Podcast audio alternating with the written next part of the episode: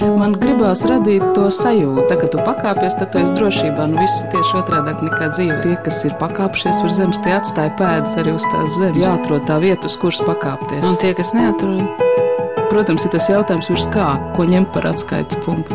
augstāk par zemi. Augstāk par zemi. Augstāk par zemi. Esiet sveicināti! Jete Lūna Harmanis ir performanču mākslinieca un horeogrāfe. Mans vārds ir Anna Bušvica, un garākai sarunai man iedvesmoja nesen Baltijas drāmas fóruma ietveros Rīgā redzētā Igaunijas teātra Kanuti Gildi sāla izrāde Ēdens detaļa. Šī izrāde pagājušajā gadā tika novērtēta arī ar Igaunijas teātra dejas balvu, kā arī pavasarī un tagad arī rudens izrāžu sesijā pieredzētā izrāde Maleos Malefikārum jaunais līgums, tās tapšana bija iedvesmojis 15. gadsimtā sarakstītais teksts Raganu Vesers, ko viduslaikos izmantoja arī Raganu prāvās, un šo izrādi veidoja starptautiska aktieru komanda Ivets Pols režijā, un arī šajā izrādē piedalījās Jetelona Hermanis. Bet sākam ar iepazīšanos. Man patīk sevi saukt varbūt par jā, performanču mākslinieci, horeogrāfi, arī performatoru. Ne tik ļoti par dejotāju, ne tik ļoti par aktrisi, bet, protams, visas tās lietas arī ietilpst tajā, ar ko es nodarbojos. Ietalona brīdina jau pirms sarunas, ka reizēm viņai ir grūti savas domas noformulēt latviski.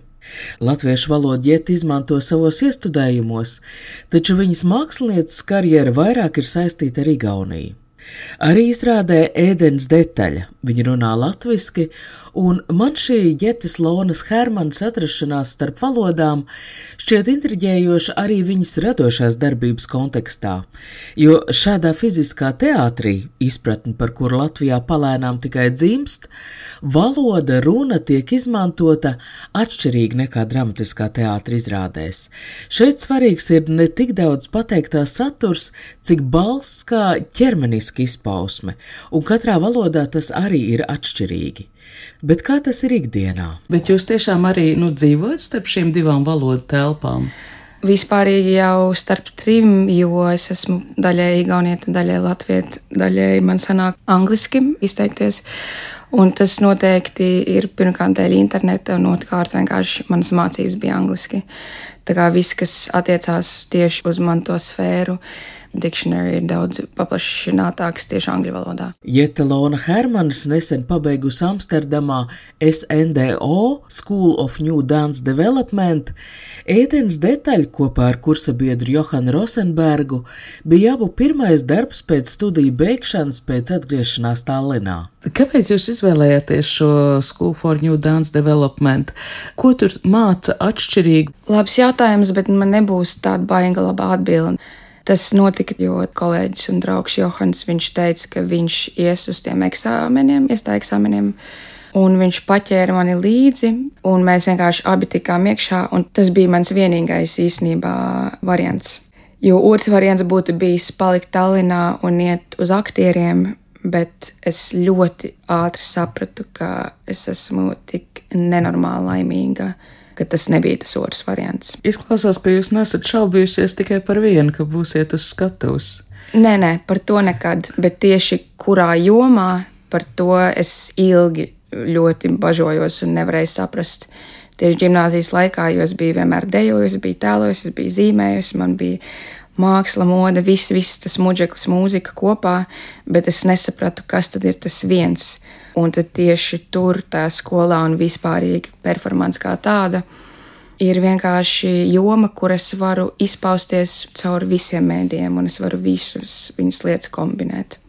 Kas ir tik valdzinoši skatuvē visā tajā muģeklī, ko jūs nosaucāt? Viss tā kā banālākā atbilde ir tas, ka mākslinieki un aktieri, kuri ir tā teikt dzimuši priekš skatuves, viņi ir vienkārši ļoti egocentriski cilvēki, kuriem ir vajadzība pēc uzmanības, un es pilnīgi noteikti esmu viens no tiem cilvēkiem.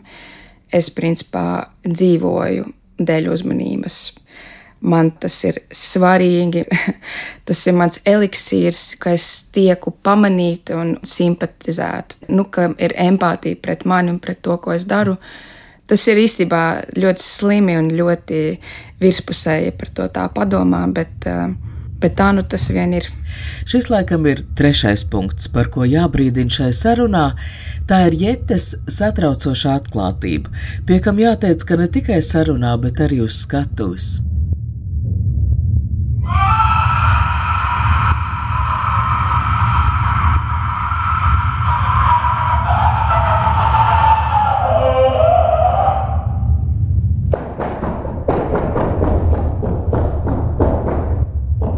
Jau iepriekš izrādes Malejus Malefikārum jaunais līgums sakarā, sarunājoties ar dzēnieci Agnes Krivādu, kur studējusi arī teātra mākslu Somijā, aktieru ķermeniskajās izpausmēs izceļot somatiskā aspektu Sarunājoties ar Igaunijā studējošo aktrisi, tagad arī režisoru Ivetu Poli, kur iestudējot Malejus Malefikārum jaunais līgums, bija kopā ar aktieriem perinājusi vairāk kā gadu ilgu izrādes sagatavošanas periodu, kas izpaudās gan kā kopīga ēst gatavošana, gan auglības rituāli, gan brīnumdziru pagatavošana, Visas tās lietas, kas nu itin nemaz nesaistās ar ierasto skatuves mākslas praksi.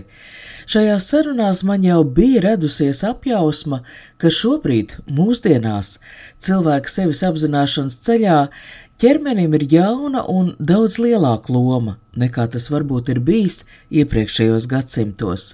Līdz ar to jauna loma ir arī teātra praksēji. Tāpēc pārjautāju vēlreiz Ietei Lonai Hermanis. Un jūsu skola bija School for New Dance Development. Jūs mācījāties Amsterdamā. Jā, tieši tā. Ko nozīmē, ko jūs īsti mācījāties?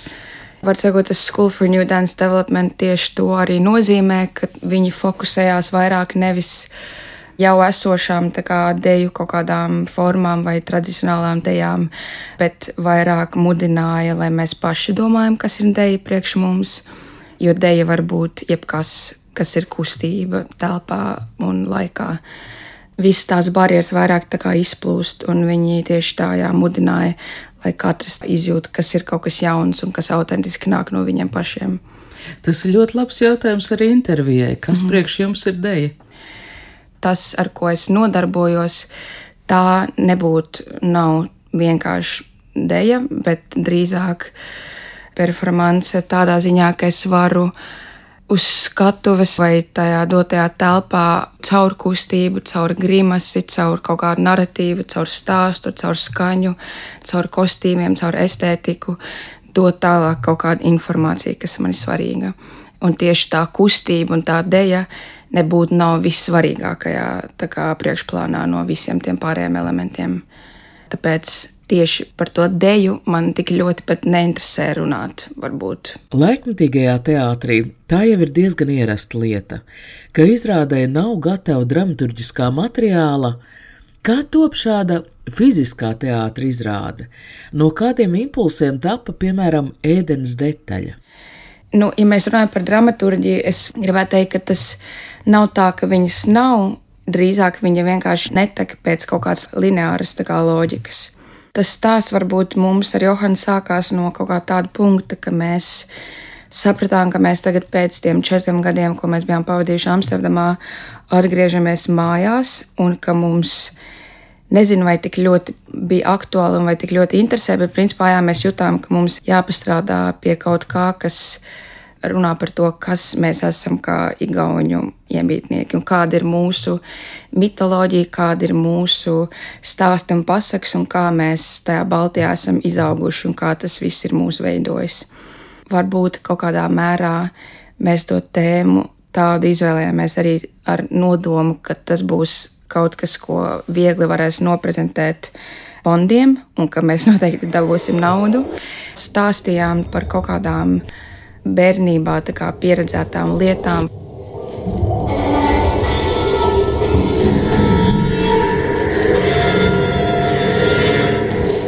Tāda mazliet iztēla rosinoša situācija.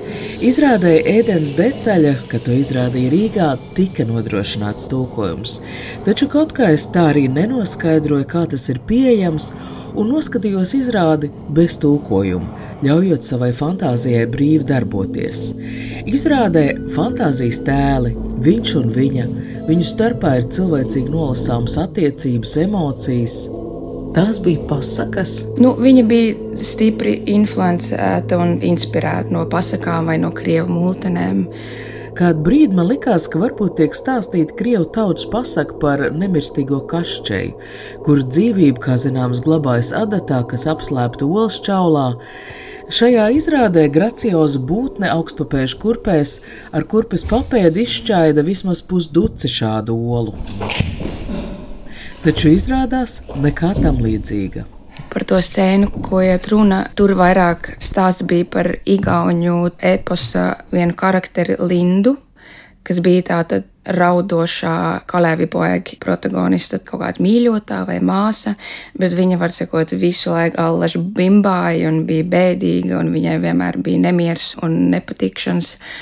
Tā sieviešu tā loma bija Linda, un Johans attēloja vienkārši parastu virinātāju jo virinātājs kā tāds, kā tēls, man liekas, arī īsumā vakar arī ar draudzenēm mēs ilgi par šādām tēmām runājām. Negatīvie tēli, kas mums uzaugot, vai no mūsu kā, vecākiem vai vecākiem, kā stāsti, tika tad, uh, atstāstīti tālāk, un kas vienmēr mūs biedēja vai intrigēja. Par sakot, jā, mums interesēja attēlot tieši kaut kādus tādus negatīvos un dīvainos tēlus.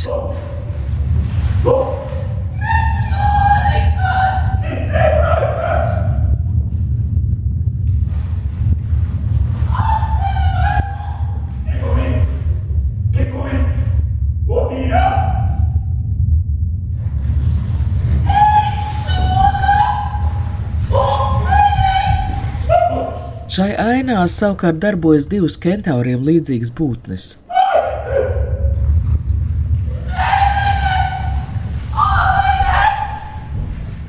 kur kājas par pakaviem pārvērtušas caurspīdīgas sandāls uz milzu papēža. Jāteic, ka šī nav pirmā izrāde, kurā redz, ka aktieri izmanto sekšapā nopērkams apaus, kas pārveido gaitu, ēdens detaļā aktieru ausis rotās picumiņi, muguru viltus skriemeļi. Šādas lietiņas ir pieejamas internetā un laikam jau cilvēku pērk.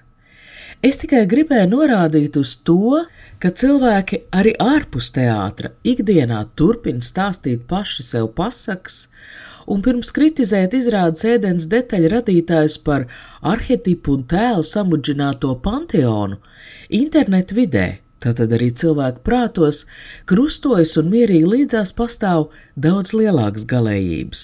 Izlasīju arī interviju ar jums portālā Satorī. Agnēs Krivāt bijusi intervējus, un tur jūs minat šo, ka jums interesē posthumānais, postinterneta, postdigitālais leņķis, uzreiz arī sakot, ka šeit Baltijā ļoti maz cilvēku par to ir informēti. Nu tad informējiet, lūdzu, pastāstiet, ko tas nozīmē, kas nāk pēc humānā. Man interesē. Mm -hmm. Nu, priekš manis tas ir nozīmē tieši to, jā, ka tas intereses punkts nāk no tās tehnoloģiskās puses, nāk no visas tās, nu, principā bērnība, kas mums ir bijusi ar datoriem, cik mēs esam influencēti no visas tās digitālās estētikas un no visām tām iespējamībām, bet arī no tās solitūdes, kas principā mūsdienās nāk tādā ziņā, ka tu vairs neeksistē tik ļoti sociāli kopā ar citiem cilvēkiem, bet tu eksistē vairāk ar sevi un savām jūtām un domām un, un vēlmēm caur to tehnoloģiju. Tīna gados es biju ļoti aktīva tādā internetu platformā kā Tumblrs es par to ležu runāju, un tas īstenībā ir mazliet kauns par to runāt, bet, var sakot, nu, tā ir principā platforma, kur cilvēki liek bildes, bildes, kas ir kā mākslas darbi vai kā kaut kādi digitālie darbi. Un tad tu viņus vari pēc tam dalīt un šērot tālāk uz savu lapu, un tādā veidā tu konstruē tādu tā kā vizuālo kolāžu no visām lietām, kas tevi inspirē, ko tu jūti, kas tevi uzrunā vai ar ko tu gribi sevi saistīt. Un es ļoti ilgi aktīvi piedalījos šajā nodarbē, veidot savu estētisko pasauli, kurā tad arī sāka virzīties visas tās idejas par tiem narratīviem, par kaut kādām iespējām, par tēliem, kas visām tām performancēm bija kā kaut kāds sākuma punkts. Bet es tagad mazliet novirzījos no tā jautājuma, jo tas posthumānais tā ir interese par to, kas nāk pēc cilvēkiem, kas ir AI, kas ir artificial intelligence, kas ir tehnoloģija un kas ir apziņa, kas ne tik ļoti ir vairs kā cilvēka apziņa, bet kā jebkam arī objektiem var būt sava apziņa, un kā arī daba kā tāda ir dzīva būtne. Tas ir tas interfejs, kas notiek starp to naturālo un to artificial.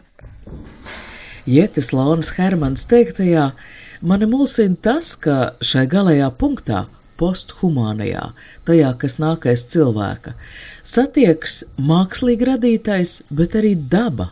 Un arī abās šajās izrādēs ēdienas detaļu un Maleus Malefikārum jaunais līgums, kā rekvizīti tiek izmantoti milzīga melnzemes kaudze, vilnas drēbes, koks, ūdens. Šajās izrādēs es pamanīju, ka mm, rekvizīti visbiežāk ir ļoti kaut kāds garšīgs, ļoti taustāms un galvenais dabisks lietas. Jā, tās lietas daļai nāk par brīvu. Viņas ir efektīvas, un viņas strādā, un viņas konceptuāli arī piestāv un ir vajadzīgas jau kādu labu laiku. Tas kā vidusceļš vai tas satikšanās punkts caur to nedabisko, to tehnoloģisko un sintētisko ar to dabīgo. Nu, tas ir, var sakot, pēdējā laikā ļoti aktuāli un ļoti interesanti visiem māksliniekiem, Izrāde ēdienas detaļa izvērtās par satricinošu teātra pieredzi vēl kāda iemesla dēļ. Bet pirms šo iemeslu atklāt, es lūdzu Jeti Lonu Hermanis pastāstīt par abām pārējām izrādē iesaistītajām aktrisēm. Ēden Olev, ar kuru mēs arī mācījāmies Telnā kopā vienā klasē, bet kopš tās ģimnāzijas viņa aizbrauca uz startu, un viņa tagad jau, es nezinu, kuro laikam, kaut kāds 6, 7 gadu mācās medicīnu. Tā kā viņa izvēlējās kardināli kaut ko pilnīgi pretēju, un viņai īstenībā uz skatuves atrasties vairs nav īsti komfortabli, bet uh, mums ar Johanu viņa inspirēja kā tēls tieši varbūt dēļ tā iemesla dēļ, ka viņa arī kā cilvēks ir ļoti īpatnējs un sociāli neveikls, neveikla būtne, liekot tādu tēlu un tādu cilvēku uz skatuves. Tas vienkārši mums šķita šausmīgi interesanti, kā ir vērot kādu, kuram ir nērti un kas ir neveikls un kas dara visu kaut kādas papildus kustības, Bet tā pašā laikā, tagad, kopš ēdena ar mums uzstājusies ar šo darbu, viņa, protams, ir atkodusi tās lietas, un viņa jau māca arī vairāk sevi prezentēt. Bet uh, viņa kā cilvēks vienkārši ir uh, unikāls cilvēks. Viņa mūs ļoti, ļoti stipri inspirē šam darbam, jo viņu sauc ēdenu.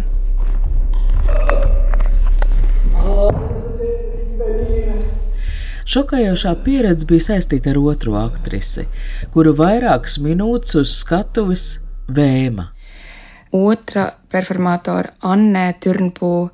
Viņa īstenībā Tallinā vai pat Igaunijā skaitās ļoti respektēta aktrise, un viņa Lavā Kola, kas tad skaitās tas oficiālais teātris, tā kā universitāte Tallinā, viņa dod balss. Viņa ir principā balss skolotāja. Viņa ir arī stipra dziedātāja un tā kā vokāls coach, es teiktu.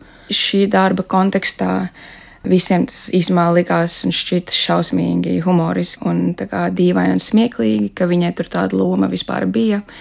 Bet, eh, ja mēs tagad runājam par to vēmšanu, kas notika tajā viņas scēnā, tad tas bija kaut kas, ko viņa pati īstenībā ierosināja un ko viņa pati gribēja darīt, jo uh, mēs spriedām par to, ka nu, arī viņa tā izteica tādu faktu, ka viņa jūt, ka viņa grib vienkārši izmēģināt kaut ko, ko viņa pirms tam nebija darījusi. Kad teātrī uz skatuves izplūst kādi ķermeņa šķidrumi, parasti tie tiek aizstāti. Asins ar krāsas maisiņu, urīns ar iekrāsot ūdeni, bet te tavā priekšā stāv pašpārliecināta sieviete nobriedušā vecumā, bāž pirkstu rīklē un ar baudu vemj un smejas, jo nekāda trika nav.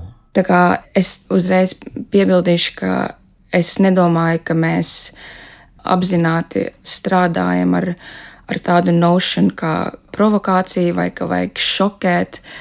Tas ir vairāk par, nu, tas nav tikai par to vēmienu, bet vispārīgi, kad es tikai pie darbam, es vienkārši allaši padomāju, kas būtu kaut kas, ko es ienākot tajā telpā, nu, kas man aizrautu, nu, kaut kā ietekmētu, ka man ir kaut kāda emocija un ka es to arī ķermeniski caur tādu visceral, nu, tādu iekšēju kaut kādu reakciju, ko es tā kā varu piedzīvot. Tāpēc man joprojām jādomā par šo ainu. No vienas puses tas bija pazemojoši. Nokļūt situācijā, kurā ilgstoši esi spiests vērot, kā otrs vemj. Taču vienlaikus es atzīstu, ka ar mani šis satricinājums nostrādāja, ļāva noticēt, ka viss notiek pa īstam. Bet ir tomēr cilvēki, kam vemšana izsauc gluži fizisku reakciju, un arī šai izrādē bija meitene, kas kā stirna pārliec pāri pirmajai rindai un vienkārši izskrēja no zāles. It kā jau šāda iespējamība teātrī sen pārunāta un panākts arī kompromiss. Izrāžu afišās skatītāji parasti iepriekš brīdina, ka izrādēs smēķē lieto necenzētu leksiku vai spilgtas gaismas, vai būtu jābrīdina arī par to, ka vemj, nu bet tādā gadījumā varbūt arī par to, ka raud vai skūpstās, Kur īsti ir tā robeža? Es tiešām negribu izklausīties slimi vai tā, bet es neredzu, ka vispār būtu jābūt jebkādām robežām. Protams, ir gaumes jautājums, vis kaut kādi vēl jautājumi un ētikas un morāls, bet, bet tā priekš skatuves, nu, man baigi neinteresē strādāt ar kaut kādām robežām vai kaut, kādiem, kaut kādām regulācijām. Tas, jā, man drīzāk tā kā mulsina, kāpēc vispār tam tā būtu jābūt. Hõimpillik. Medene. Man bija arī ļoti interesanti vērot jūs kā aktierus, jūs abas ar Johanu Rozenbergu, jo īpaši milzīga loma mīmikai, kaut kādiem afekta stāvokļiem. Tas ir tas, ko jūs mācījāties šajā skolā. Nē, drīzāk es teiktu, ka tā pieeja SNDO bija pat pretēja, kas mani ļoti mulsināja, jo es nācu no nu, drīzāk teātra background.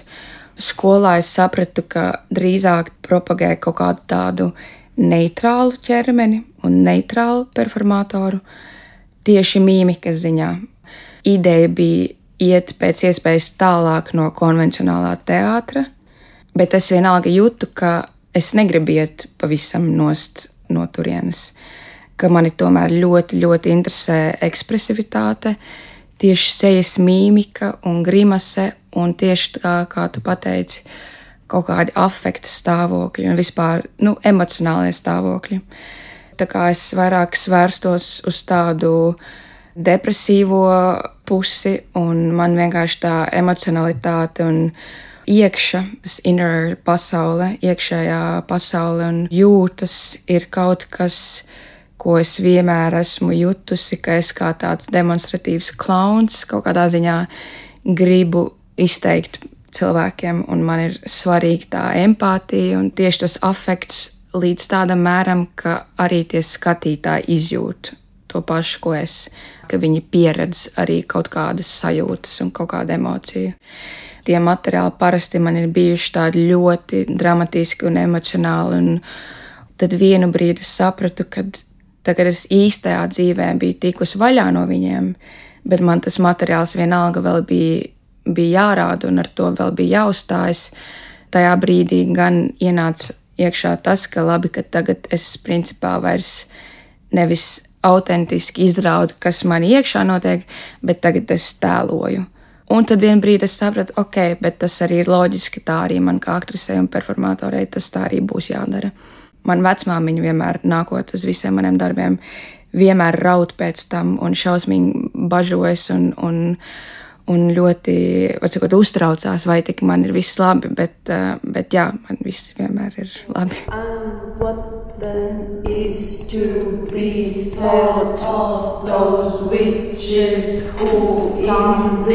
way sometimes collect male organs in great numbers. Šis fragments ir no izrādes Maleus Maleficarum Jaunais līgums, ko Jeta Lona Hermanis kopā ar starptautisku komandu nesen spēlēja Rīgas cirkū. Jums šeit izrādē jāspēlē tā viedā sieva, kura no melnzemes uzņem kaut kādu tur pasaules sākumu sievišķo zināšanu. Orākuls jūs bijāt, Orākuls, jā, jā, jā. kas izkliedz atbildes uz visiem jautājumiem. Tad, kad mēs ar šo scēnu sākām strādāt, kad vēl nebija zināms, kas būs orakls, tad tas uzdevums bija patiešām domāt par atbildēm uz tiem konkrētiem jautājumiem, kas tika pajautāts. Ne caur valodu, bet caur kaut kādiem tur, jā, caur skaņām vai, vai mīmiku. Kas tur tiek jautāts, atgādiniet, lūdzu. Tur ir jautājums, ir vairāk poetiskāks, un tad varbūt ne tik ļoti, vai impotence nāk no, kas tur bija no augsta laika, vai no witchcraft, kas tad ir. Raganu būšanas. Vai es jebkad savā dzīves laikā kļūšu par māti, vai es esmu bīstama sieviete? Nu, kaut kādi tādi apmēram jautājumi. Kad Iveta piegāja šim uzdevumam, tad tur bija tiešām vajadzēja atvērt portālu caur galvu un caur debesīm un tiešām izjust caur visu ķermeni, kad tev tās atbildes pienāk.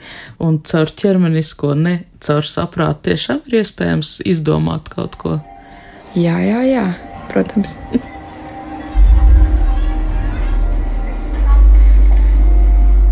Vēl viens no Jetis Lonas Hermanas darbības virzieniem ir performance.